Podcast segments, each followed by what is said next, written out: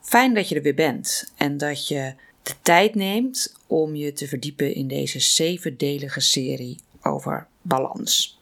In de eerste aflevering van deze serie heb ik je de drie knoppen van balans gegeven. Te herinneren aan het woord vak. De V van verlangen, weten wat je wilt en wat je nodig hebt. De A van aandacht, of je je bewust bent of je leeft zoals je dat graag wilt. En de K van kwaliteiten. Heb je de capaciteiten die je nodig hebt om dat ideale leven te leiden en te corrigeren als dat niet zo is?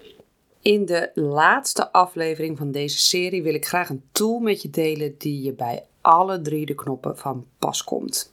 Dat heb ik in de voorgaande aflevering ook gedaan met TMA. Dat staat voor Talent Motivatieanalyse. Dus als je die aflevering nog niet hebt geluisterd, kan ik je aanraden om die even terug te luisteren. In deze aflevering wil ik het met je hebben over DISC.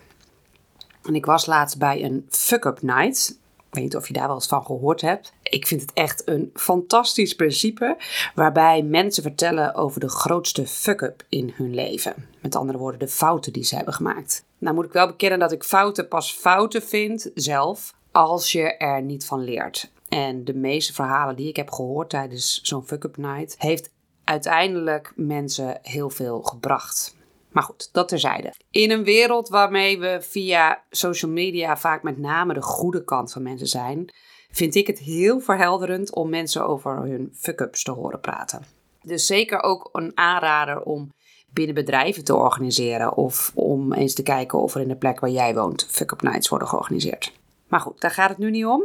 Het ging over het verhaal van de man tijdens zo'n fuck-up night. Die vertelde dat hij bepaalde fuck-ups niet had gehad als hij eerder een diskanalyse had gedaan en de zelfinzichten die daaruit voortkwamen beter tot zich had genomen. Dat had hem een enorme fuck-up en zeker 10.000 euro kunnen besparen.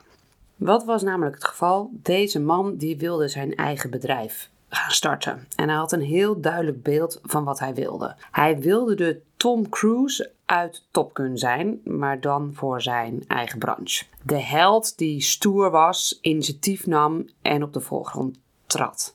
Nou, pin er niet op vast of dat ook daadwerkelijk is wat Top Cruise in Top Gun doet. Want het is echt al een hele tijd geleden dat ik die film heb gezien.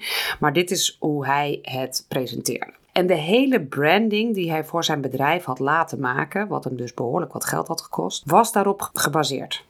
Hij had een website, visitekaartjes laten maken en was van plan de wereld van zijn vakgebied te veroveren. In het afscheidstraject van zijn laatste werkgever zat begeleiding door een coach. En die had hem een diskanalyse aangeboden. Daar had hij destijds dankbaar gebruik van gemaakt.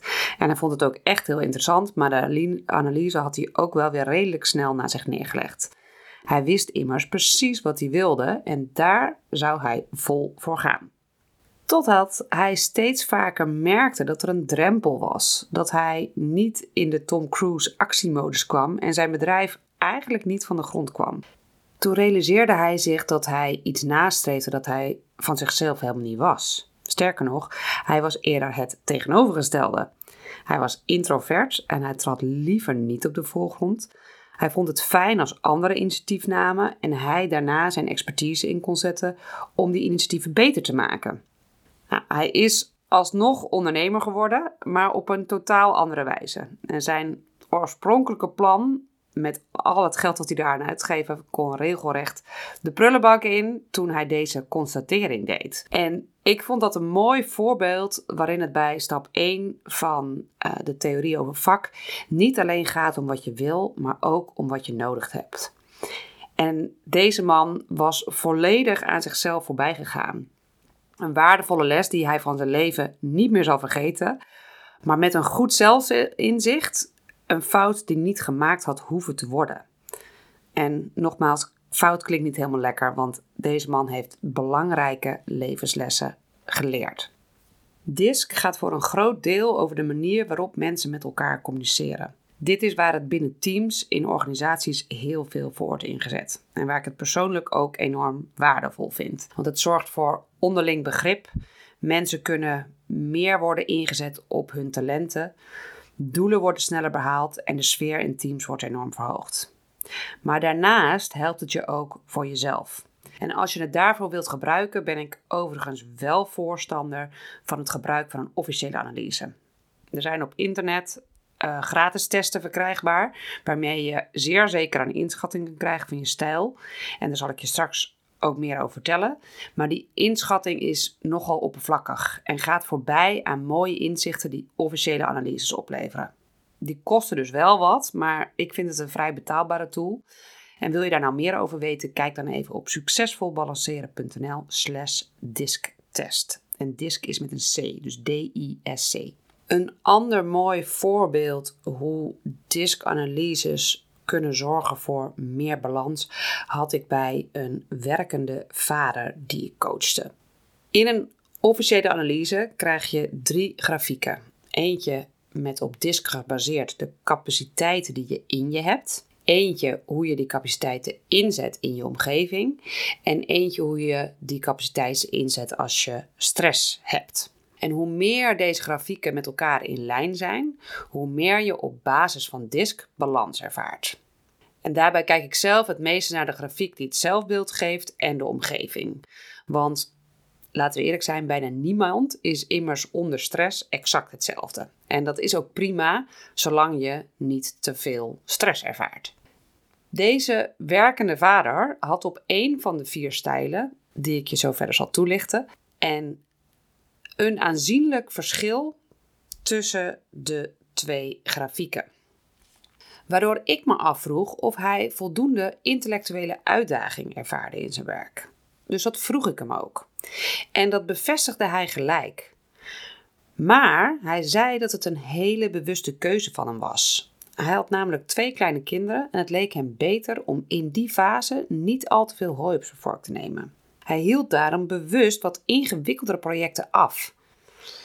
En door de analyse en het gesprek dat we erover hadden, realiseerde hij zich dat hij daardoor juist energie verloor. Het was voor hem niet beter om minder te doen, maar juist meer. Of beter nog gezegd, hij hoefde niet zozeer meer te doen, maar hij moest andere dingen doen.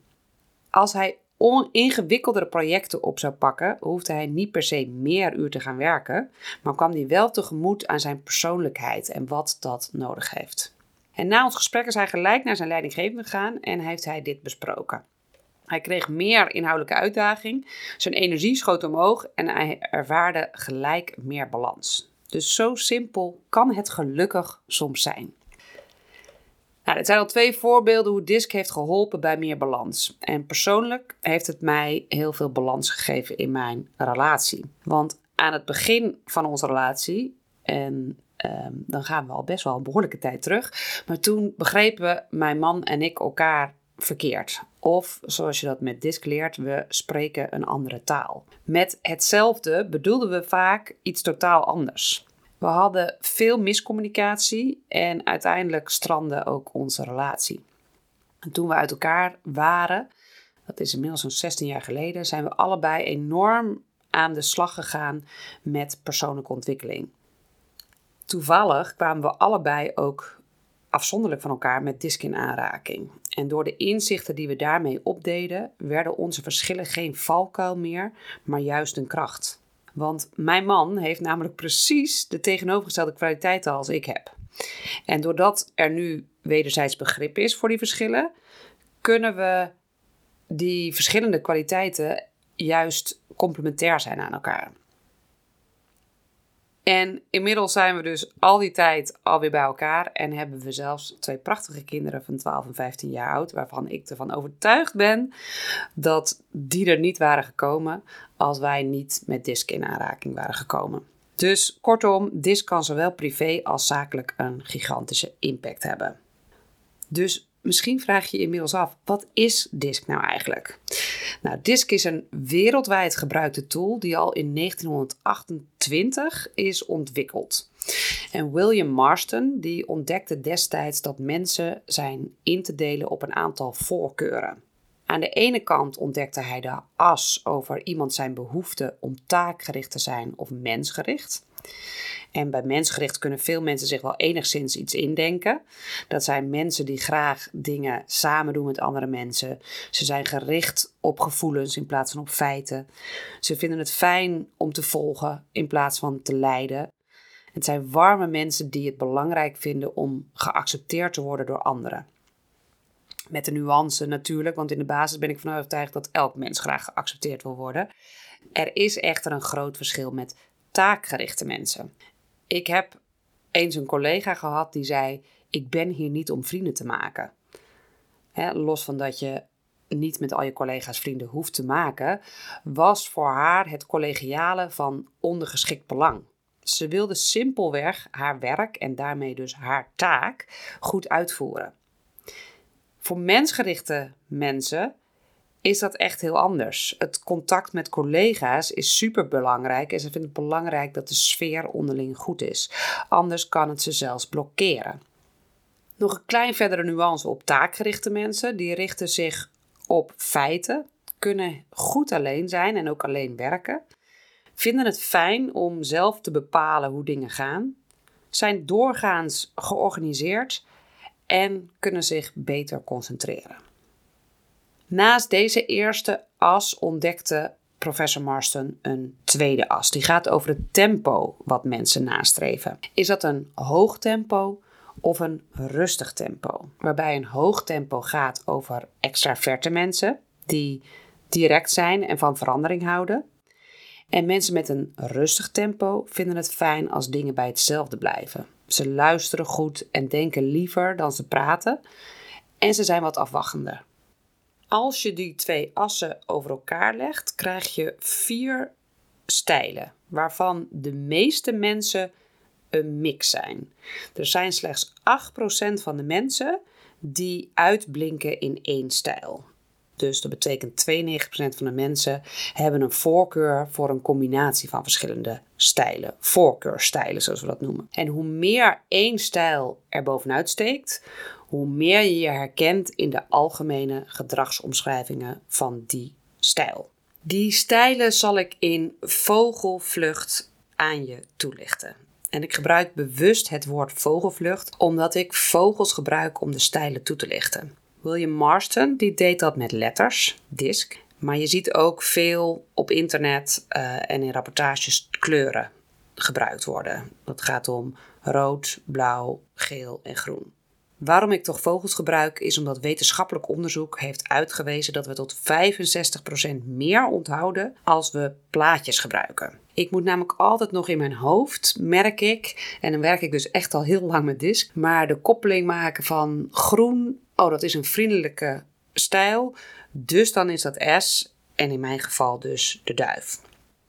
Het werkt gewoon veel sneller met vogels. Dus uh, dat is de reden dat ik vogels gebruik. De eerste stijl is de arend. Dat is de D bij William Marston. Wat hij aanvankelijk bedoelde als dominant, maar uiteindelijk in Nederland nu wordt uh, gebruikt als daadkrachtig, omdat dominant vaak ook een wat negatieve bijsmaak heeft. Maar daadkrachtig is wat deze vogel is. De mensen die deze stijl hebben, die weten heel goed wat ze willen en willen dan ook graag dat dingen op hun manier worden gedaan. Ze zijn assertief, direct en geïnteresseerd in de hoofdlijnen. Ze hebben een sterke wil en zijn goed in het nemen van beslissingen. De tweede vogel is de papegaai. Dat is de I van William Marston. Voor interactief. Veel mensen denken bij een papegaai aan praten, luidruchtig en kleurrijk zijn. Nou, dat is precies wat mensen met deze voorkeurstijl typeert. Het zijn mensen die snel en makkelijk contact maken met andere mensen. Ze zijn optimistisch, hebben vaak creatieve ideeën. Hun primaire drijfveer is plezier, want een dag niet gelachen is een dag niet geleefd.